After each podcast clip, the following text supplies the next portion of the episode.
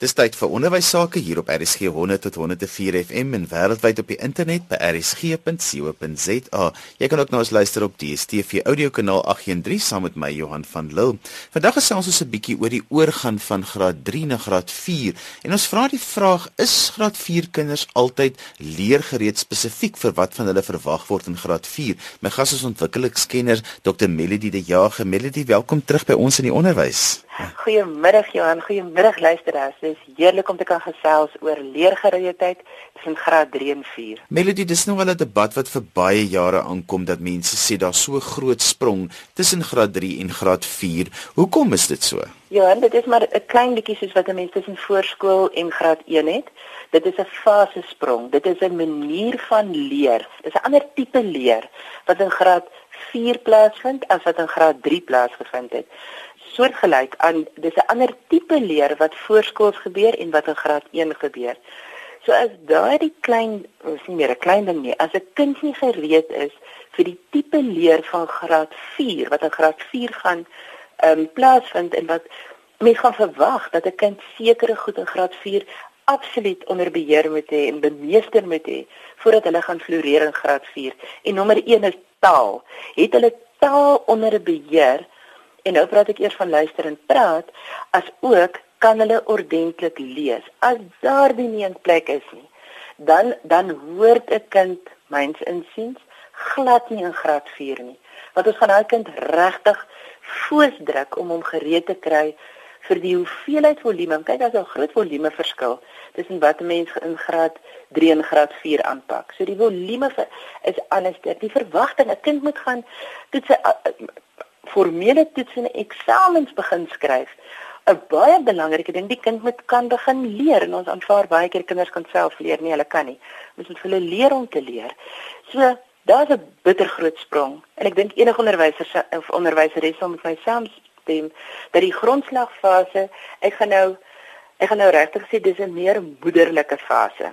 Daar kan mans ook wees, maar hulle is by by uitstek meer versorgende mense in die grondslagfase en hier van graad 4 aan raak in raak die tipe leer baie meer kognitief en jy weet Johan dit gaan heeltemal saam met met breinontwikkeling. Ek in graad 4 is jy weet is maar nie 11 jaar oud nie. Maar die die die fases van breinontwikkeling, fisiese ontwikkeling het mos is het altyd ontwikkelingsvoorkeur, dan emosioneel en sosiaal. Maar die piektyd vir kognitiewe ontwikkeling, die ontwikkeling van 'n kind se denke, is tussen 4 en 11 jaar. So hierdie oorgang tussen tussen graad 3 en 4 is die sprong weg van ek het teen daai tyd het ek beheer oor my fisiese lyf en ek kan hoor hoe lig party van die onderwysers want hulle sien die kinders so voor hulle in 'n klas en hulle weet daar's kinders wat geen beheer het oor hulle fisiese lyfies nie. Daai lyf is besig om te hop en te spring en plat te lê op die bank en gestit te wees met die arm die hele tyd. Wel, dit sê vir jou die kind is nie gereed vir leer in graad 4 nie. Kinders wat op 'n ek ek fase is, alles wat oor my gaan. Ehm um, juffrou, moet ek op bladsy 8 wees? Ja, ek het gesê bladsy 8. Juffrou, hierdie bladsy 8. Ja, ek het gesê bladsy 8.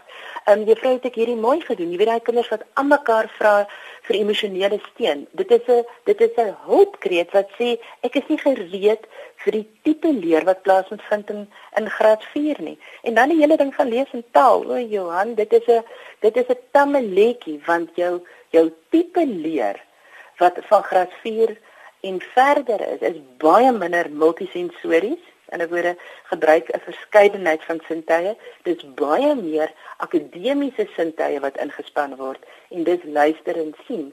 En die kind moet gereed wees om om so te kan leer voordat hulle regtig leergereed is vir graad 4. Wel dis wat ek altyd vir skoolhoofde en onderwysleiers op die hart druk is dat jy 'n baie besondere onderwyser nodig wat graad 4 kan gee. Dit is 'n onderwyser wat 'n grondslagfase verstaan en wat die intermediêre fase verstaan en wat hierdie oorgang tussen hierdie twee fases baie goed kan bestuur. Ek het 'n skoonsister in die Parel wat 'n ongelooflike graad 4 onderwyser is en as ek altyd hoor praat, dan praat sy altyd oor daai begin van die jaar waar sy hierdie oorgang so mooi met die kinders bestuur. Dit bly maar belangrik, nê? Nee? Dit is ongelooflik belangrik want jy jy dit is net so mooi verwoord gewees Johan, want die graad 4 onderwyser of onderwyseres moet hy met die brugbouer wees van moederlike steun emosionele ondersteuning tot onafhanklikheid en verwagting dat die kind self kan verder. So daar's 'n brug wat gebou moet word. Jy weet Johannes, mens kyk na en ek wil nou nie praat oor linkerbrein, regterbrein nie, maar maar so klein ietsie daaroor. Kinders wat meer regterbrein dominant is, het 'n natuurlike geneigtheid om meer aanpasbaar te wees. Om die waarheid is, hoe groter die uitdaging, hoe beter gee hulle aandag. Waar 'n kind wat geneig is tot meer linkerbrein voorkeur, so kind hou nie baie van verandering nie. Hulle hou van bekendheid, hulle hou van voorspelbaarheid. So die oorgaan na 'n ander klas toe, 'n nuwe onderwyser, 'n nuwe manier hoe die klas lyk, hoe die banke geskei word. In baie skole ruil kinders klas van graad 4 af. So as hulle begin klasruil vir vakonderrig, dis 'n totale nuwe belewenis.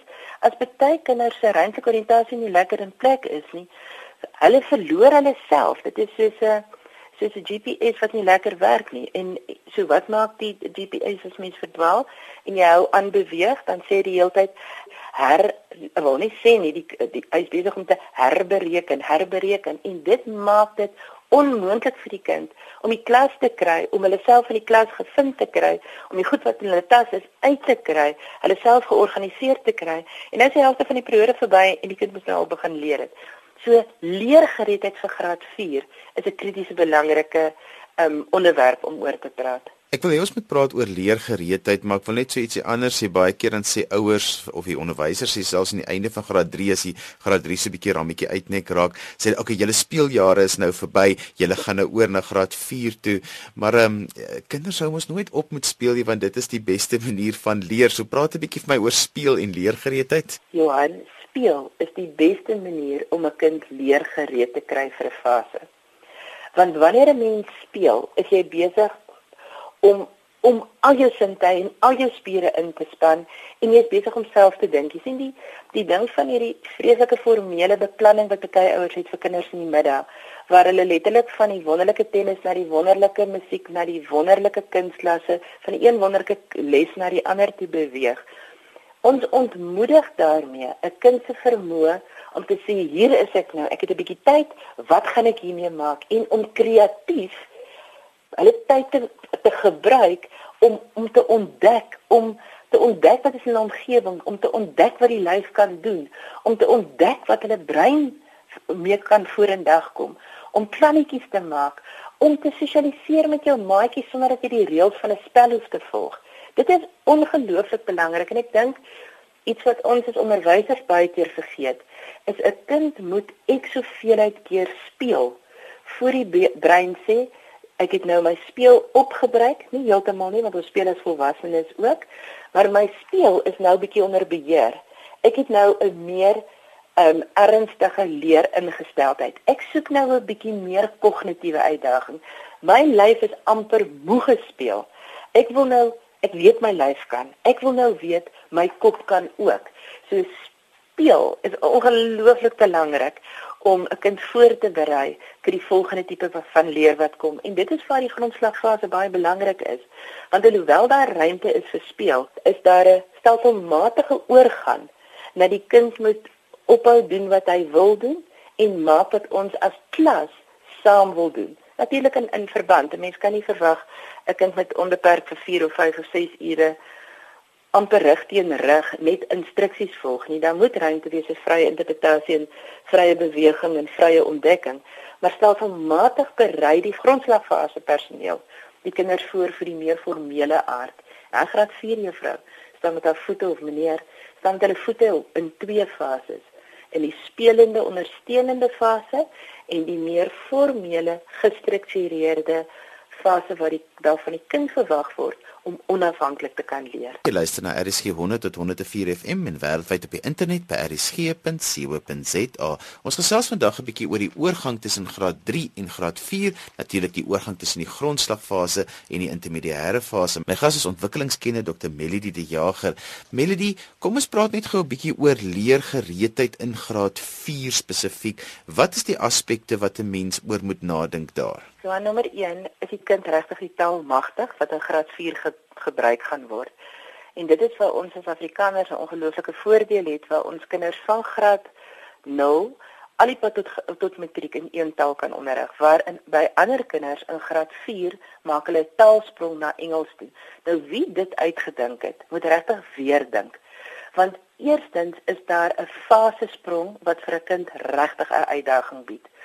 Om 'n taalsprong te maak is 'n uitdaging wat 'n kind regtig strek. Om 'n fase en taalsprong gelyktydig te maak is onverantwoordelik. Want dit is 'n mens verwag iets vir 'n kind Hy moet hy moet kognitief redeneer in 'n taal wat hy nie noodwendig magtig is nie. So gelukkig is ons op RSG en ons praat oor Afrikaans. Ons kinders het 'n voordeel omdat dit deurgangs dieselfde taal besig. So die verstaan en die praat van taal is geweldig belangrik. Die lees van taal, Johan. As 'n kind nie 'n ordentlike leesvaardigheid en ek praat nie van herken woorde en sê die woorde nie, maar lees korrek maar lees ook met begrip. As hy nie kan lees nie, hoe gaan hy leer? Hoe gaan hy want hy moet begin leer om te leer. Jy weet, mense praat van studiemetodes in die hoërskool. Wat dink ons? Hoe moet die kind in graad 4 ewe skielik magies weet hoe om te leer, hoe om kernwoorde te identifiseer? Jy moet goed kan lees en met begrip voor jy kernwoorde kan identifiseer. Jy moet weet hoe om inligting te reduseer.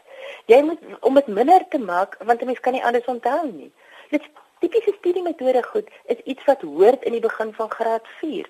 Johanna graad 4 kind of einde graad 3 kind moet ongelooflik goed kan legkaart bou want as jy kan legkaart bou, is jy eintlik baie mooi op pad om gereed te word om vir studiemetodes want 'n legkaart as jy hom uitgooi en jy begin sorteer en jy sit die hoeke bymekaar en die reguitstuk bymekaar en die middelstukke bymekaar, is jy besig om inligting te sorteer en te klassifiseer.